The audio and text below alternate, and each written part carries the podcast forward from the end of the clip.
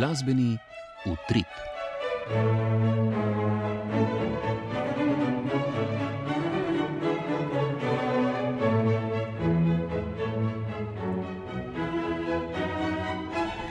Gospe in gospodje, lepo pozdravljeni. Danes bomo osrednji del oddaje namenili zimskemu festivalu in sicer bomo omenili skoraj vse koncerte, ki so potekali med 28. januarjem in 5. februarjem. Poleg tega pa boste izvedeli še to, kdo so letošnji prejemniki Škorjančevih priznanj diplom in nagrad, kaj nas čaka na koncertih letošnjega cikla Mozartine ter kaj v spomladanskem delu sezone pripravlja Cankarev dom. Ostanite z nami.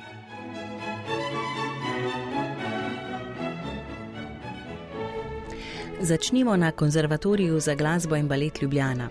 Tam je vsako leto v dneh pred kulturnim praznikom še posebej slavnostno, saj na koncertu Simfoničnega orkestra konzervatorija podelijo tudi Škarjančeve nagrade, diplome in priznanja. Tudi leto so jih, le da je bila prireditev nekoliko bolj zaprtega tipa, potekala pa je v dvorani Lucijana Marije Škarjanca na Ljubljanskem konzervatoriju. Polona Češarek, direktorica konzervatorija, nam je povedala, kdo so letošnji prejemniki.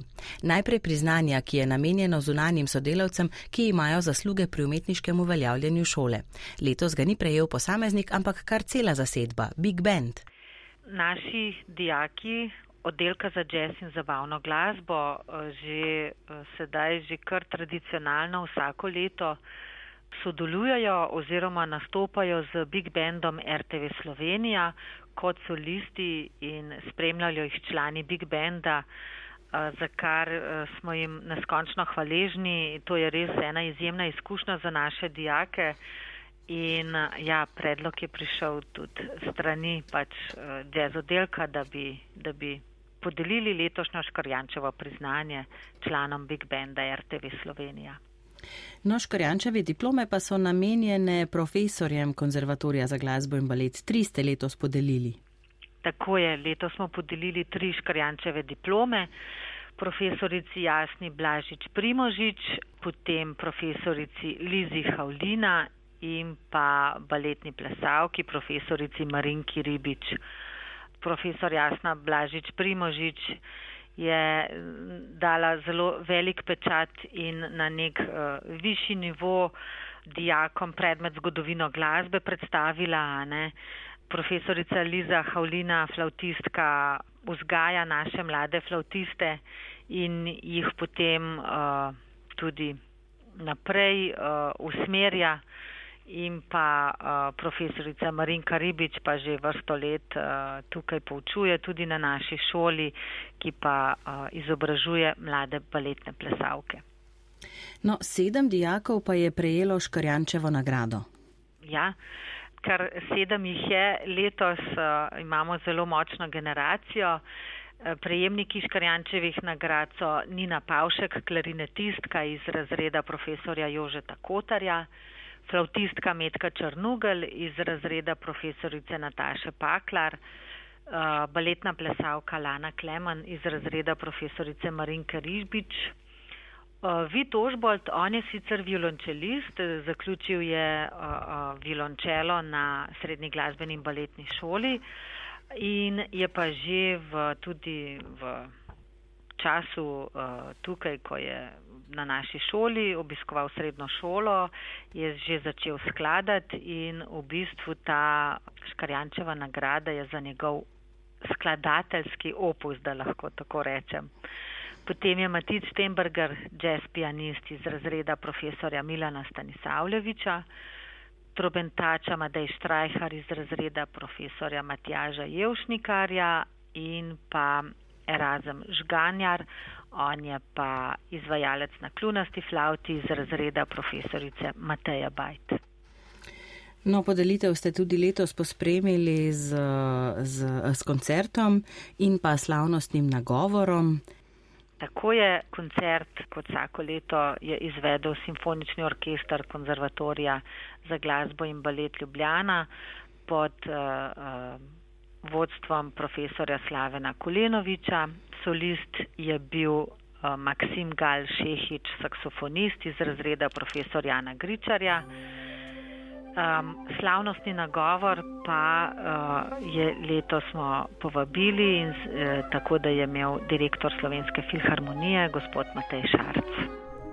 Na govoru Mateja Šarca je torej sledil koncert, na katerem je, kot veleva tradicija, tudi letos oživelo delo iz opusa Lucijana Marije Škarjanca.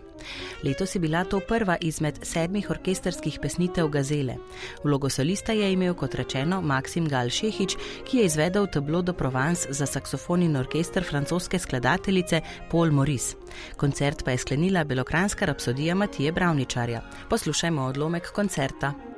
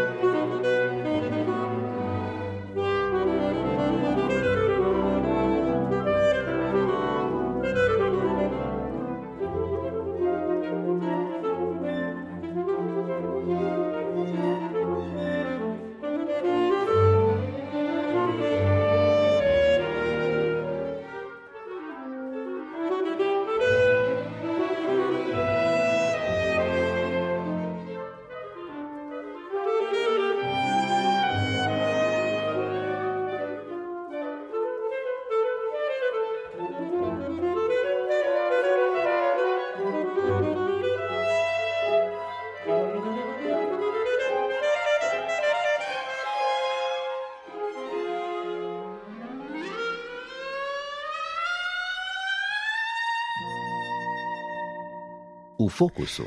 Osrednji del glasbenega utripa danes namenjamo zimskemu festivalu Ljubljana, ki je z glasbo zapolnil pretekli teden oziroma se je začel že 28. januarja, sklenil pa se je prejšnji petek.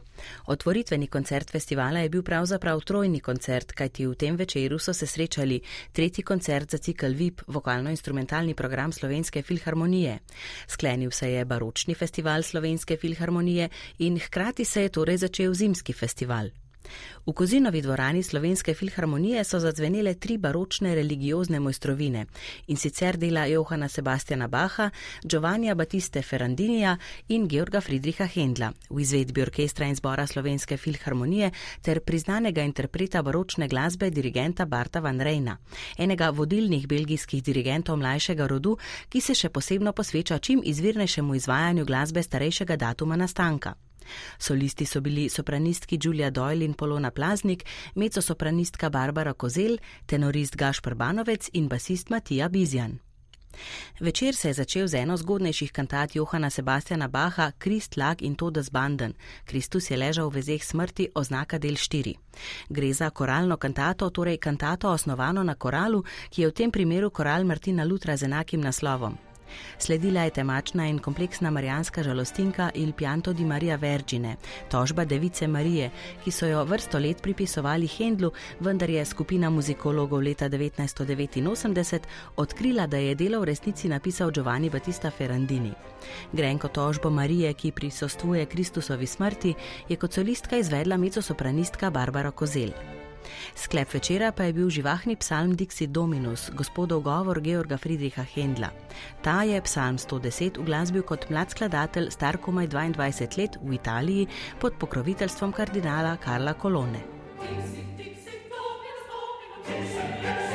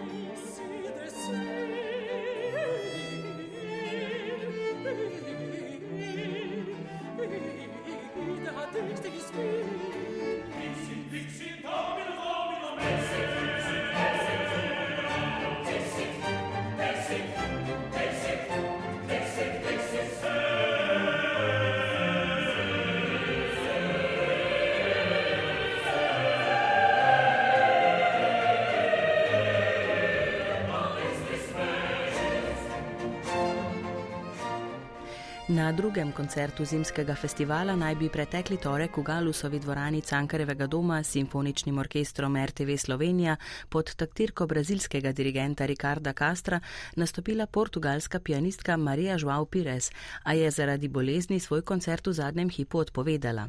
Na mesto nje je vskočil domači pianist Aleksandr Gađijev, to pa se je po besedah Katja Ogrin izkazalo za izjemno uspešno potezo.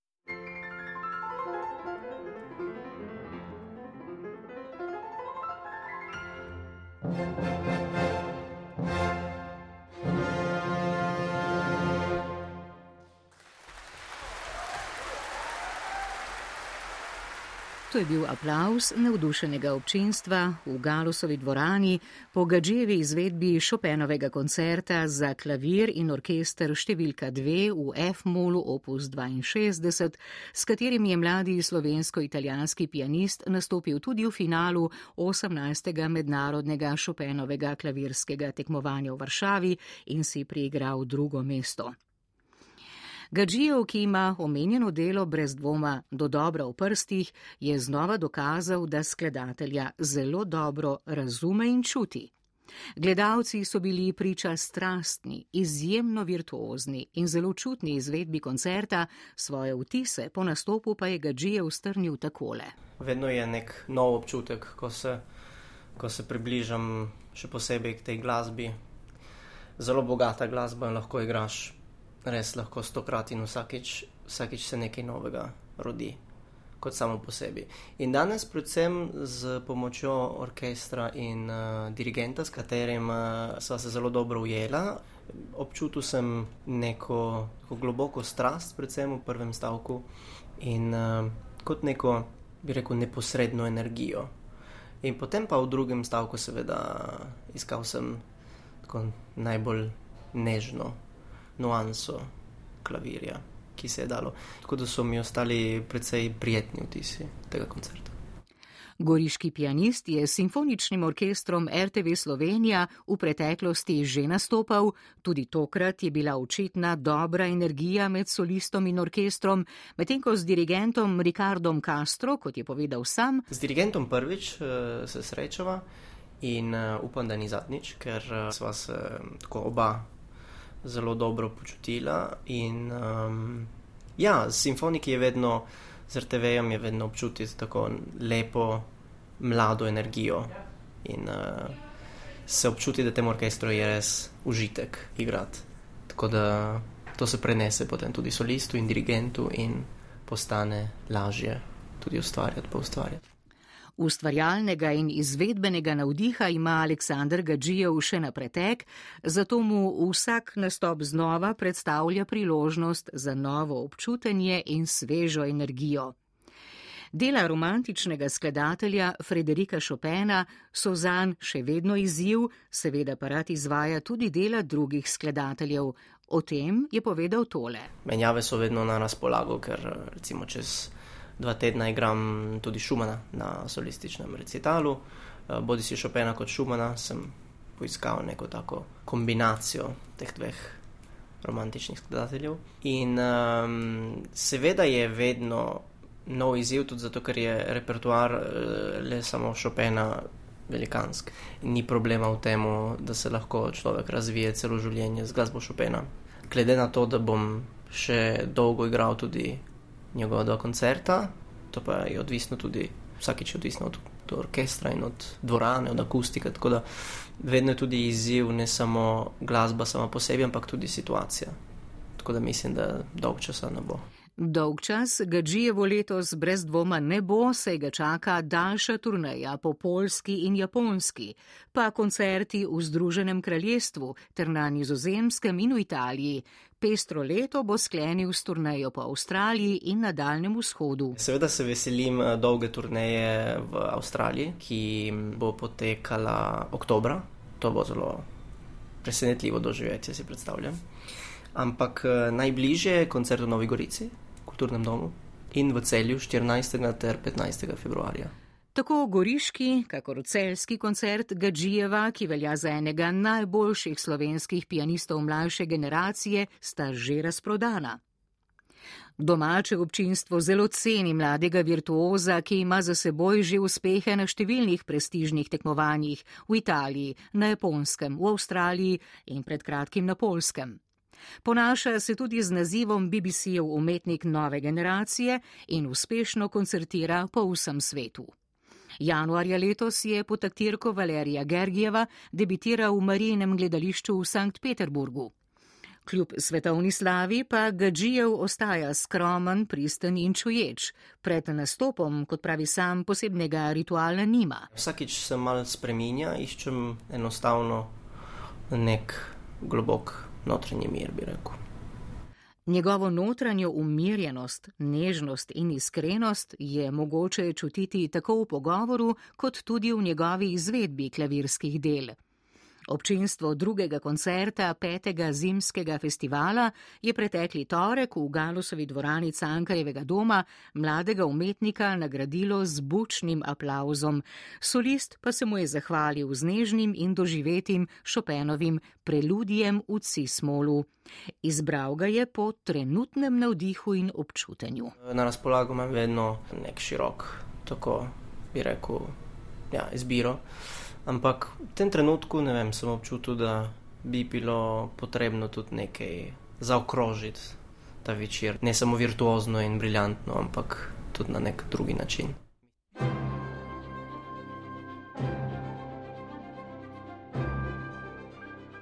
Drugi koncert petega zimskega festivala je simfonični orkester RTV Slovenija pod taktirko brazilskega dirigenta Ricarda Castra odprl z Betovnovo uverturo Coriolan. V drugem delu koncerta pa sta zveneli dve deli, četrta iz zbirke devetih svit Bahjanas Brazileiras, Eitorja Vilelobusa in pa baletna svita Ognjeni ptič Igorja Stravinskega. V prvem delu je bilo med dirigentom in orkestrom zaznati nekaj neusklajenosti, ki so se mestoma tudi zvočno izrazile, vendar pa na navdušenje v dvorani niso vplivale. Orkester se je solistom Aleksandrom Gadžijevim, ki je nastopil v prvem delu koncerta, energijsko dobro ujel, izvedbeno pa popravil vtis v drugem delu koncerta, v izvedbi temperamentne, z bahom navdahnjene brazilske svite skladatelja Vile Lobusa ter simfonične svite iz leta 1919, ki usvetljuje najpomembnejše trenutke baleta Ognjeni ptič Igorja Stravinskega. Kljub odpovedi portugalske pianistke Marije Joao Pires, s katero pianist in dirigent Ricardo Castro že leta uspešno sodeluje, je simfonični orkester RTV Slovenija s koncertnim mojstrom Benjaminom Cirfoglom in solistom Aleksandrom Gadžijevim navdušil občinstvo drugega koncerta zimskega festivala. Zimski festival je že peto leto organiziral festival Ljubljana. Nadaljujemo s komornimi koncerti zimskega festivala Ljubljana, v fokusu katerega so bili letos pianisti. Skupaj smo prisluhnili kar petim koncertom s klavirjem, že omenjenemu koncertu pianista z orkestrom, pa tudi solističnima recitaloma, koncertu klavirskega dua štiriročno ter duu violine in klavirja. Zadnjemu koncertu dua Marije Andrejeve in Nejca Kampleta je prisluhnil Mihajl Kozjek. Še pred njegovim prispevkom pa poslušajmo, kaj o koncertu francoskega pianista Nikolaja Burdonkla pravi Tjaša Kranc.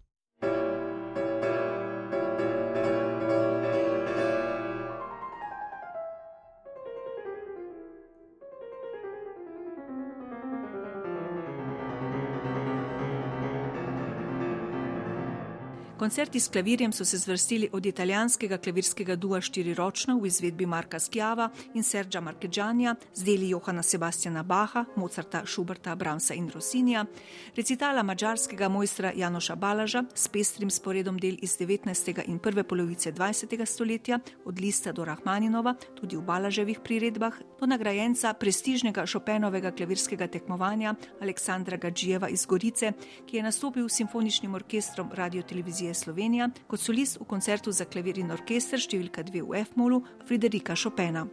Sledila sta še dva koncerta s klavirjem, najprej o samostojnem recitalu mlajšega francoskega virtuoza Nikolaja Burdonkla, ki je v Ljubljani že nastopil februarja 2015 v mednarodnem ciklu Mladi virtuozi. Tokrat je posvetil solistični recital glasbe iz obdobja klasicizma in romantike, skladateljev in pianistov Ludvika van Beethovna, Franca Lista in Roberta Schumana. Nikola Bordonkl se je rodil leta 1988 v mestu Aix-en-Provence, kjer se je začel učiti klavir na tamkajšnjem glasbenem konservatoriju pod mentorstvom očeta Mišela Bordonkla, nato pa na konservatoriju v Marseju. Študij klavirja je nadaljeval na Narodnem glasbenem konservatoriju v Parizu pri Rožeju Miraroju in Izabel Dupuy, kjer je diplomiral leta 2015. Leta 2009 je debitiral s simfoničnim orkestrom v Odesi v Ukrajini, leta 2012 je prejel tretjo nagrado na mednarodnem tekmovanju v Hanoju, Vietnamu, leta 2019 pa je prejel nagrado na mednarodnem klavirskem tekmovanju v španskem Hajenu. Trenutno se izpopolnjuje pod mentorstvom Nelsona Gernerja v Ženevi in pri Bernardu Daskolju v društvu Piano Cantabile. S klavirskimi recitali v komornih zasedbah in solistično z orkestrom je nastopil v več kot 20 državah.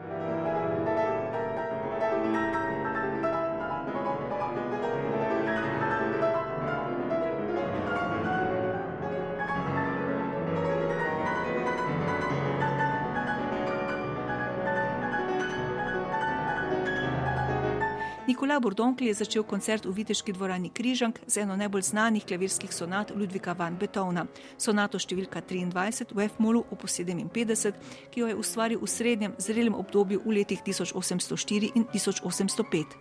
Na prvo stran je zapisal La Passionata, ki nakazuje njen strastno vihrav značaj, sonata pa zahteva tudi izredno tehnično in muzikalno usposobljenost pianista. To veliko klavirsko sonato je izvedel skoraj brezhibno, s primernimi tempi v treh stavkih, z ustrezno poudarjenimi dinamičnimi kontrasti in z veliko pristne muzikalne občutenosti ter tudi dramatične izraznosti. Kot drugo delo je izvedel fantazijo kvazi sonata po Dantejevem predavanju Srl 161 številka 7, ki jo je Franz Liszt ustvaril med letoma 1837 in 1949. Dantejeva sonata je ena temeljnih sonat drugega leta obsežnega cikla Leta Romanja.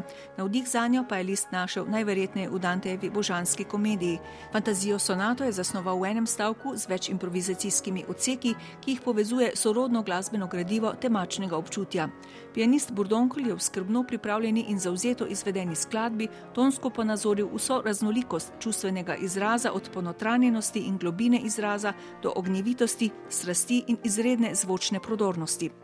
Obsežni tretji del solističnega recitala Nikolaja Bordonkla je bil posvečen izvedbi izjemno zahtevnih simfoničnih etid opus 13 Roberta Schumana, ki so zasnovane kot etide v obliki variacij z orkestrskim značajem.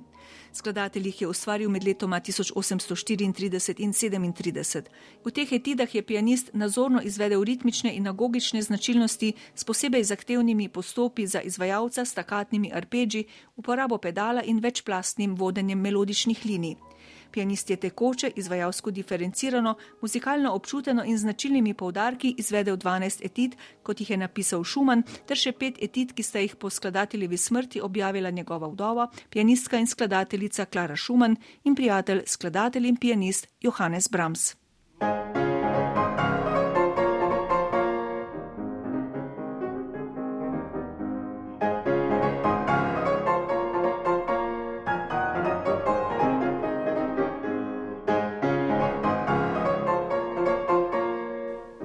Zadnji koncert s klavirjem na petem zimskem festivalu Ljubljana sta v Duhu izvedla na mednarodnih glasbenih tekmovanjih nagrajena glasbenika, violinistka in sopranistka Marija Andrejeva iz Rusije in pianist Nec Kamplet iz Maribora, ki se po končanem študiju na Univerzi za glasbo in dramsko umetnost v Gracu izpopolnjuje na Univerzi za glasbo, dramo in medije v Hanovru.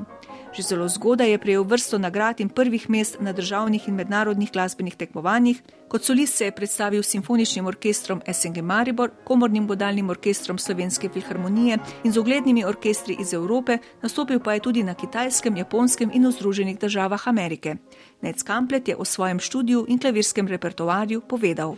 Res je, da učimo se celo življenje, enako je na pianistični poti, sem pa do sedaj že zelo veliko znanja odnesel v, na konzervatoriju, potem sem tudi dobil super izkušnje, predvsem na podlagi nastopov, ki sem jih imel res zelo veliko. Na drugi gimnaziji sem se odločil, da še malo dobim dodatne izobrazbe, širše izobrazbe, ki pride zelo prav. Res je, da šola zelo veliko zahteva a hkrati tudi veliko nudi. Imel sem ogromno podporo, tako da je bilo mi res veselje in da sem lahko obiskoval te, vse te šole. Hkrati pa sem začel tudi pri študiju v Gracu pri profesorici Suzani Niederdorfer. Mislim, da sem zelo dozorel, ko sem začel obiskovati tudi to. Mislim, da zdaj že tudi sam drugače razmišljam o glasbi. Najpomembnejša je predvsem ta muzikalna oziroma intuitivna stvar, ki se zelo razlikuje glede na obdobja. Hkrati pa povezuje tudi z slogovnimi značilnostmi in to je najpomembnejše, da se to povezuje med sabo v celoti že od vsega začetka. Tudi vaš repertoar je zelo raznovrsten, pester. Katero obdobje ali do najsodobnejše glasbe, kaj vam je recimo najbliže? Najbližje, malo kasnejša romantika mi najbolj leži pod prsti. Um, je pa res, da zelo me zanima tudi klasicizem. Barok mi je tudi zelo všeč, ampak vedno sem igral tudi nekaj iz obdobja stare glasbe.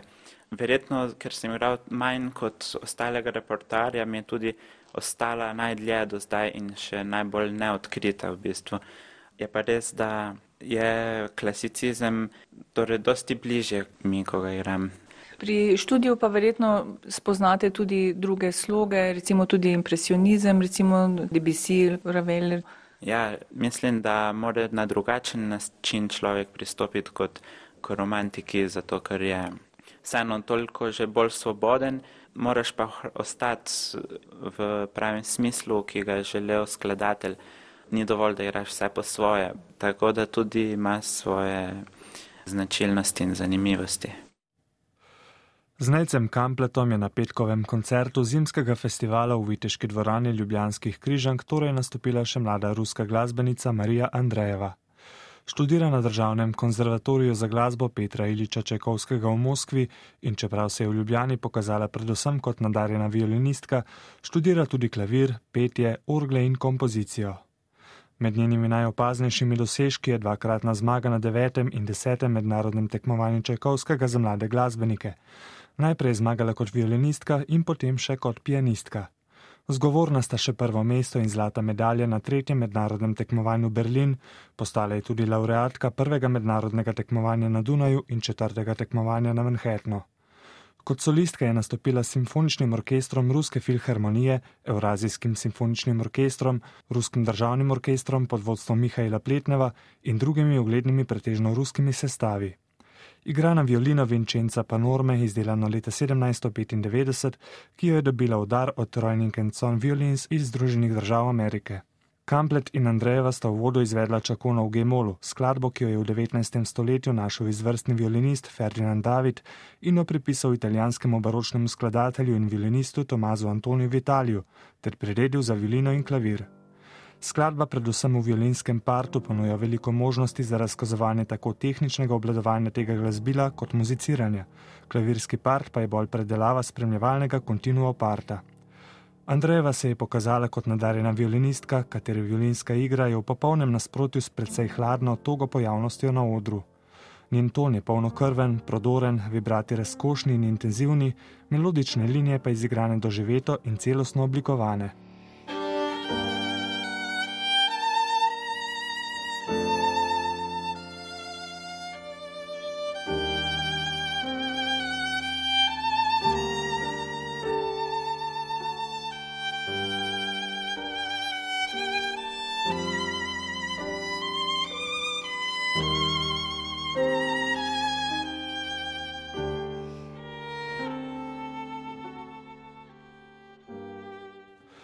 Kamplet, ki na odru pri klavirju deluje predvsej bolj ekstravertirano, se je izkazal kot spreten korepetitor s pretanjenim občutkom za spremljanje osrednjega melodičnega parta, še boljše pa je prihranil za svoje solo točki.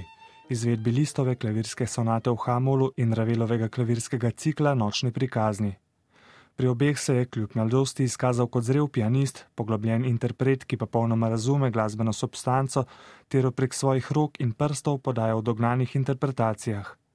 Razpon različnih dinamik, agogik in udarcev po klavirskih tipkah je resnično širok in Kamplet v svoji igri pričara celostne oziroma interpretativno zaokrožene zvočne umetnine, kot je bila recimo izvedba listove sonate v Hamulu. V pravi ekstazi pri klavirju, silnih erupcijah, pa tudi nenadnih umikih v razpoložensko pa polnoma drugačno okolje, je bil kot demonična pojava skladatelja pri klavirju. V svoji drugi solistični točki, Ravelovih nočnih prikaznih, pa se je izkazal z občutenim nijansiranjem in plastenjem v maniri kakšnega slikarskega mojstra, ki na platno v impresionističnem duhu prefinjeno nanaša svoje barve.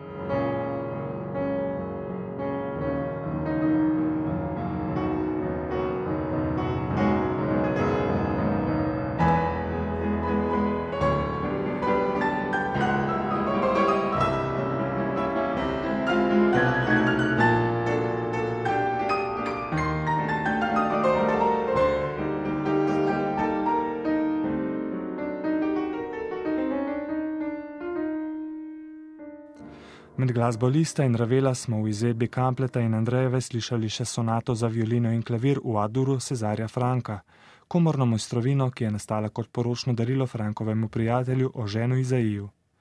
Glasbenika sta v polnotranjeni izvedbi, ki so jo začrtali že pianistovi uvodni mehkobni udarci po tipkah in sladkoben ton violinistke ob predstavitvi uvodne teme prvega stavka, dopolnjevala. Oba je krasila ekspresivna melodioznost, ki se je razraščala iz njunega neusakljivega vrelca umetniške energije in zamisli.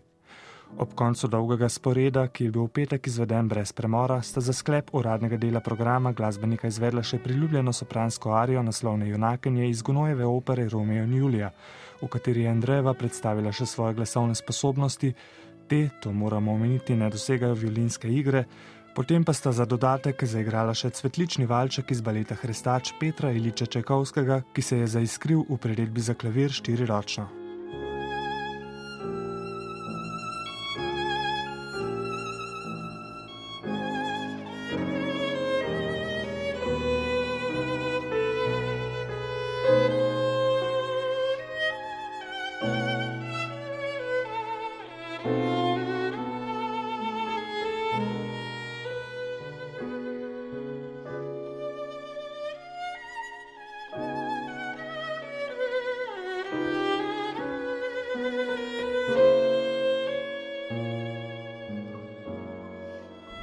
Ostajamo pri zimskem festivalu in sicer bomo zdaj omenili malteškega tenorista Josefa Kalejo. Ta je pred 11 leti nastopil na poletnem festivalu Ljubljana, prejšnji teden pa se je vrnil za nastop še v zimski različici. Na koncertu je bil tudi Dejan Juravič. Jozef Kaleja bi želani moral gostovati na Ljubljanskem zimskem festivalu, a je ta zaradi vse prisotne korone odpadel. To je njegov drugi nastop v Ljubljani, na katerem ga je tokrat spremljal orkester Slovenske filharmonije pod vodstvom Gianluca Marčanoja. Na sporedu so bili odlomki iz francoskega in italijanskega železnega opernega repertoarja. Tako orkester kot pevec sta se v rednem delu predstavila vsak z osmimi odlomki iz oper Macbeth, Samson in Dalila, Werther, Carmen, Madame Butterfly, Tosca, Adriana Lecovreur, Gioconda, Glumači in Arležanka.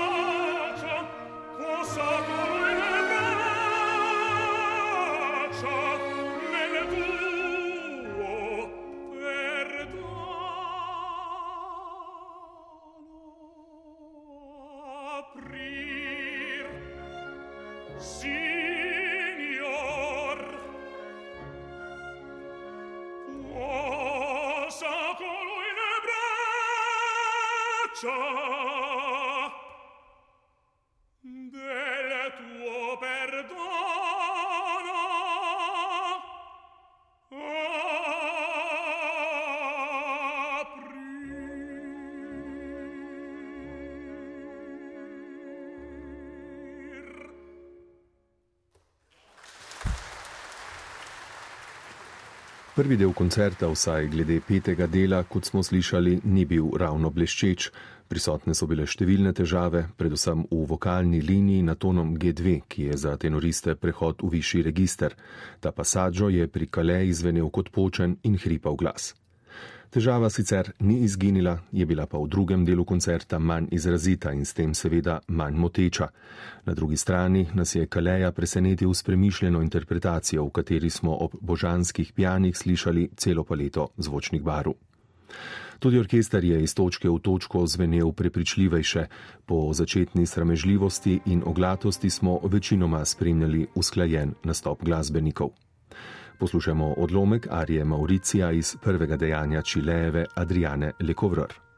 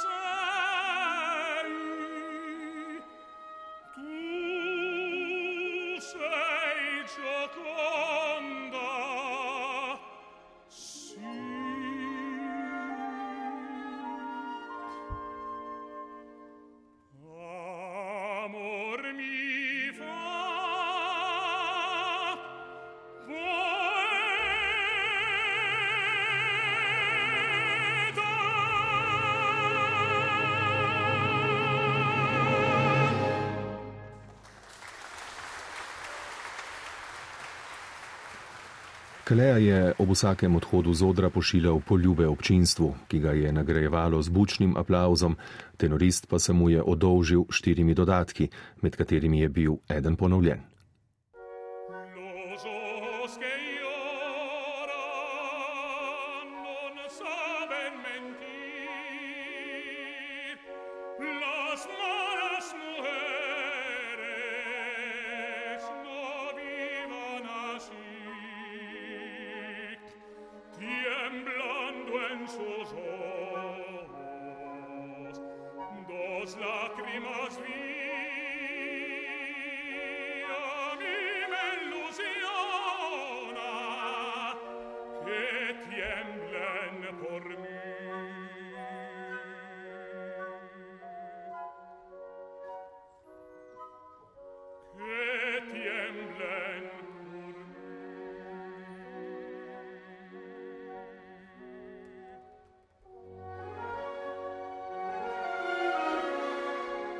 la luz de mi ilusión.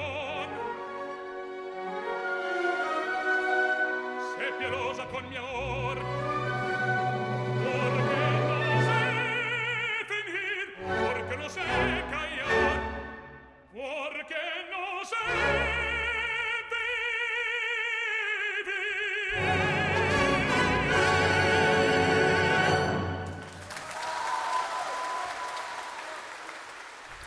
Zadnji koncert zimskega festivala Ljubljana je potekal preteklo soboto.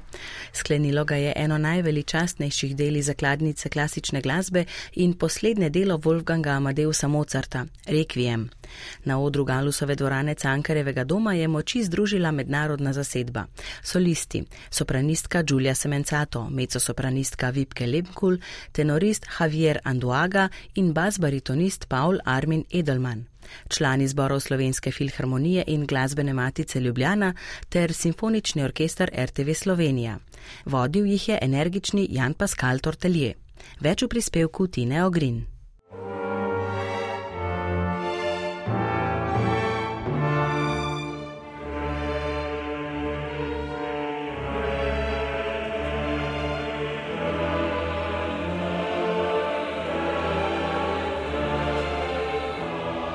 Mozartova slovesna in čustvena uglasbitev Maše za umrle je dvojno ganljiva. Zaznamuje namreč odhod tistih, za katerimi žalujemo, pa tudi konec kratke, a izjemne karijere skladatelja, ki je umrl med pisanjem omenjenega dela star 35 let. Mozart se je v svoji uglasbitvi sicer držal predpisanega sakralnega stila, kakršnega so izoblikovali baročni mojstri, vendar je stare obrazce združil s pretresljivo izkušnjo bližajoče se smrti in velja za najveličastnejšega. V celoti je napisal le stavke Requiem, Kirije in Dies Ire, pri ostalih stavkih pa je izpisal vokal in bas. Delo je nameraval dokončati v prvih mesecih naslednjega leta, leta 1792, a ga je prehitela smrt.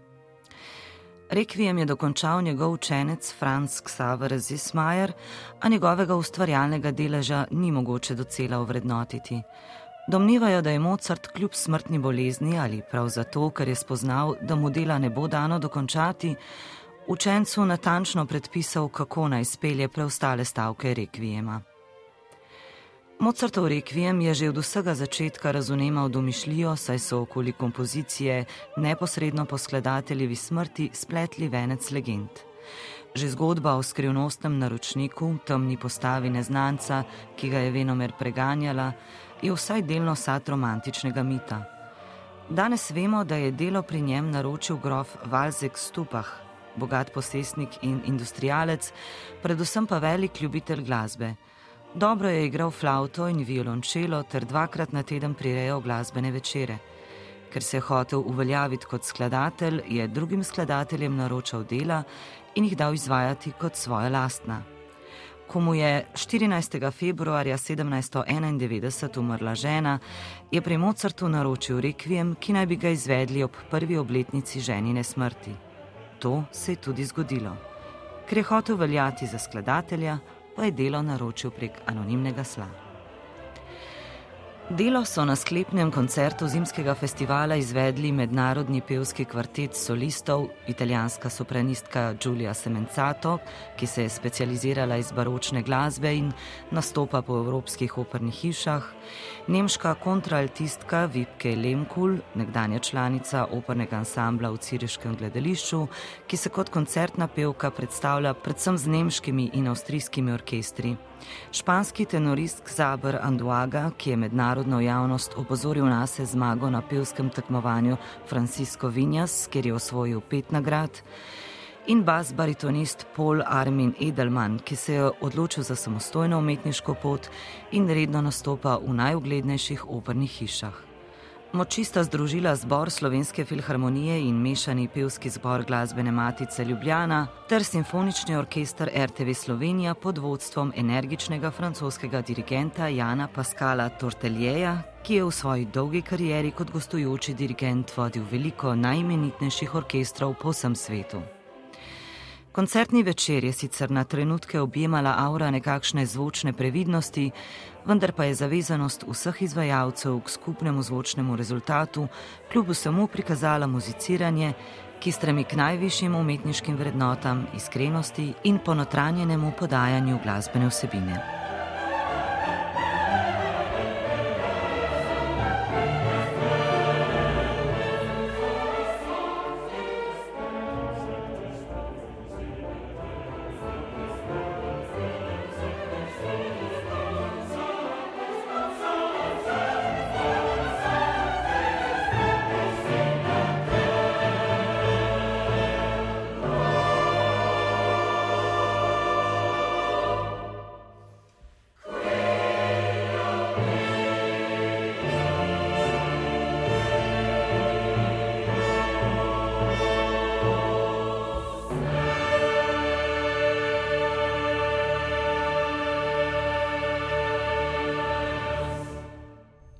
Zimski festival Ljubljana se je torej sklenil z Mozartovo glasbo.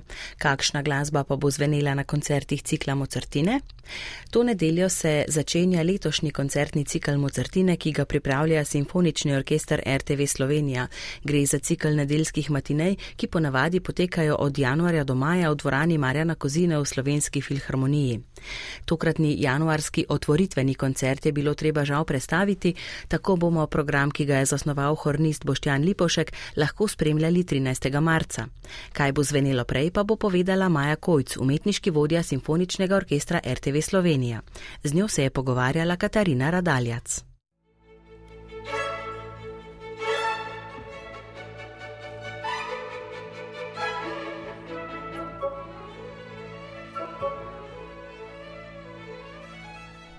Kdo vse je letos dobil priložnost, da pripravi svoj del programa za koncertni cikl Mozartin?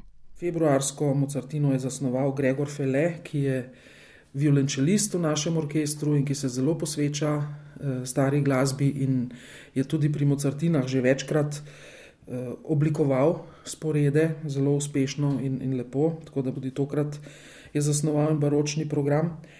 V Marčevski Mozartini se bo predstavil violinist Ivan Pejč, ki je v našem simfoničnem orkestru vodja drugih violin.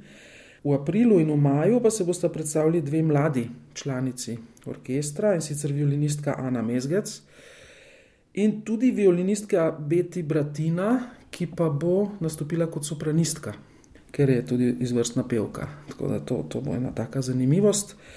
In seveda zelo radi dajemo priložnost tudi mladim dirigentom, tako da se bodo predstavili Slaven Kolenovič, Zoran Bičan in, in Davorin Mori. Toliko o nastopajočih na letošnjih Mozartinah.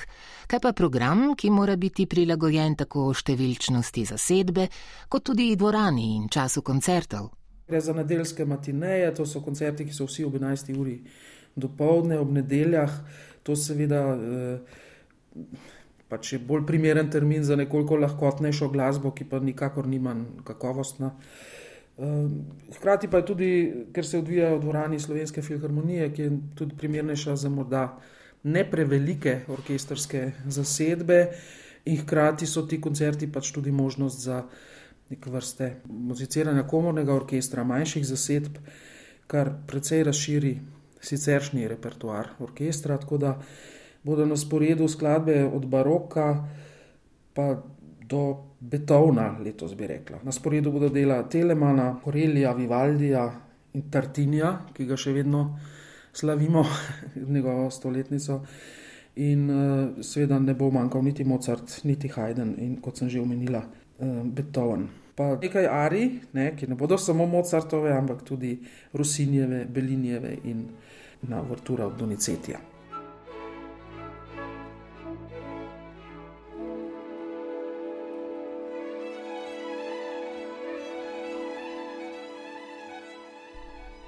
Sogovornica Maja Kojc, umetniška vodja simfonikov RTV Slovenija, nam je zaupala tudi letošnjo posebnost cikla Mozartin.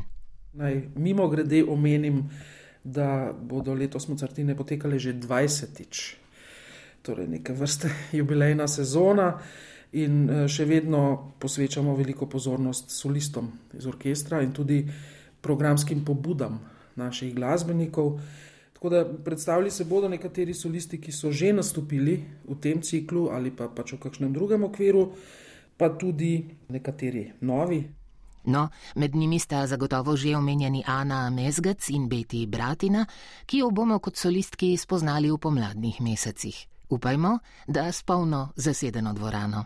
Zaenkrat te možnosti žal še ni. Kljub temu, da bodo letošnje Mozartine v dvorani, smo pač še vedno soočeni z dejstvom, da dvorana ne more biti polno zasedena. In žal ne bodo mogli vsi, ki bi si želeli priti na koncert v živo, pač ne bodo imeli te možnosti. Morda bo spomladi bolje, upamo, da bo spomladi bolje.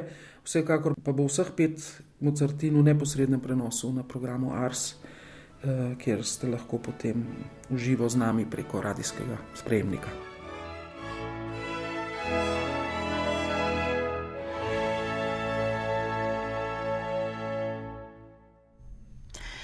Prvemu koncertu cikla Mozartin lahko prisluhnete že to nedeljo. Neposredni prenos koncerta se bo začel ob 11. do povdne. Poleg tega bo pomlad živahna tudi v Cankarevem domu, kjer je prejšnji teden potekala novinarska konferenca, na kateri so ustvarjalci programov predstavili vrhunce prve polovice leta 2022. Ingrid Gortan, vodja programa resne glasbe, opere in baleta. Seveda bo vrhunec uh, zimske sezone gostovanje slovitih berlinskih filharmonikov. Um, njihova biografija priča o tej veliki sinergiji, ki so jo ta znana dirigentska imena in tudi jasen koncept izoblikovali v tako vrhunsko zvočno kakovost, pa ne le zvočno kakovost, gre tudi za nek konceptualno, zelo presežno zasnovan ansambl. Uh, nekaj več besed bi rada povedala o samem programu. Zelo me veseli, da gre pravzaprav za nekakšen retro program. Retro v smislu, da gostujejo na način, kot so nekoč gostovali sami orkestri. To pomeni, da so dejansko bil fokus na orkestrih. Niso se skrivali za, za solisti, niso vključevali nekih, bi rekli, tovrstnih dodatnih atrakcij, vedno so gostovali s svojim šefom dirigentom, da so skratka lahko do, do te največje možne mere tudi prikazali programski fokus, s katerim se pravzaprav ukvarjajo in ki je v tistem obdobju del utrjevanja njihove identitete. Tako prihajajo s Cimermanovim preludjem za veliki orkester, fotoptozo, ki bo zelo akustično razširjeno sliko predstavljeno, ne omenim, da tu sodeluje tudi orgle in, in vrsta inštrumentov iz um, palete klasikov uh, nemških, nemškega simfonizma, uh, so se odločili za Bramsa. Predstavili pa bodo tudi delo uh, Lutoslavskega. V Srebrnem abonmaju se še posebej veselimo Žana Rondoja, prihaja tudi um, s koncertom v abonmaju Kromatika. Pri nas pa bo nastopil z slovitimi Goldbergovimi variacijami. Uh, zanimivo je to, da se z njim resnično dosti časa že ukvarja. 11. februarja bo išla tudi uh, zgoščenka. Uh, kot zanimivost ne povem, da je zasnoval celo gostovanje tudi kot nekakšno zeleno Goldbergovo gostovanje in bo skratka skušal pri potovanjih uh, vključevati čim več ekološko osveščenih momentov. Zlatja Bonma Eh, bo do konca leta ponudil še, še dva projekta, med temi naj omenim prvo gostovanje Andrasa Šifa, znamenitega pianista, ki je tudi dirigent, um, velik raziskovalec glasbe in kot zanimivost naj povem, da bo nastopil s kar dvema betonovima koncertoma, uh, sabo pa bo pripeljal forte piano. To pomeni, bo, da bomo sicer ta znana solistična koncerta slišali pravzaprav v neki različici, ki je nismo vajeni in je zelo blizu betonovi izvirni, izvirni zvočnosti. Eh, seveda nadaljujemo tudi projekte z vsemi ostalimi eh, našimi rednimi sodelujočimi partnerji. Slovenska filharmonija eh, nadaljuje s tremi nizi abonmajev. Omenila sem že kromatiko, glasbena mladina Ljubljanska in glasbena mladina Slovenije. Eh, nemoteno pripravljate svoje zelo dobro obiskane matineje, seveda pa vseh eh, skladno z vsemi ukrepi in pravili. Zvokotok bo pripravil eh, dva zanimiva dogodka. Akademija za glasbo po mladnem času vedno pripravljate javne prireditve, med njimi naj omenim uprizoritev Hendlove um, opere Agripina. Naj pa omenim še Apezetone Tomšič, vse tiste redne prireditve, s katerimi pravzaprav zaključujemo neko uspešno leto tudi vseh nevladnih organizacij. Poleg resne glasbe v Cankarevem domu potekajo tudi koncerti glasbe nekoliko drugačnih ritmov. Vodja programa Jazza in glasb sveta Bogdan Benigar bo predstavil pomladanske vrhunce teh glasbenih zvrsti. Program druge glasbe je sestavljen iz več stebrov. Že zdaj, 22. februarja, se začne tretji festival Bi Flamenko, tudi z štirimi koncerti, ki predstavljajo tako najbolj vidnejše tradicionalne, kot tudi sodobne uh, stvaritve Bi Flamenka v Španiji, kot tudi pri nas, kajti na festivalu, na festivalu je vključen tudi kitarist Vito Marenče. Uh, nadaljujejo seveda cankrvi torki, ki so potekali nehoma tudi v času epidemije, ko smo bili zaprti.